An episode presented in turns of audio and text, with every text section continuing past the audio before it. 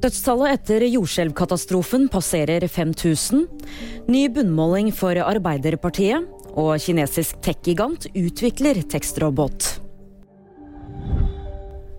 Dødstallet etter jordskjelvkatastrofen i Tyrkia og Syria stiger. Over 5000 mennesker er nå bekreftet døde.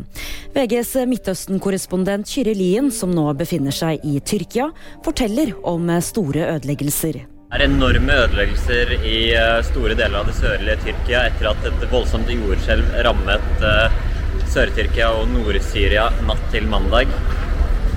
Rundt her så er det store boligblokker som bare har kollapset som pinneved.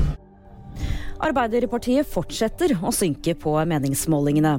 TV 2s nasjonale partibarometer fra Kantar viser at oppslutningen om Ap faller ned fra 19,5% i januar til 16,9% i februar. Det kinesiske selskapet Baidu forsøker å konkurrere med ChatGPT.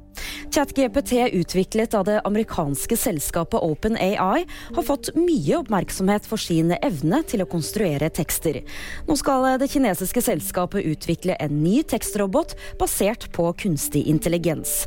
Den nye tjenesten vil få navnet ErnieBot på engelsk, og tekstingen vil trolig være ferdig i mars. Det var VG nyheter, og de fikk du av meg, Julie Tran.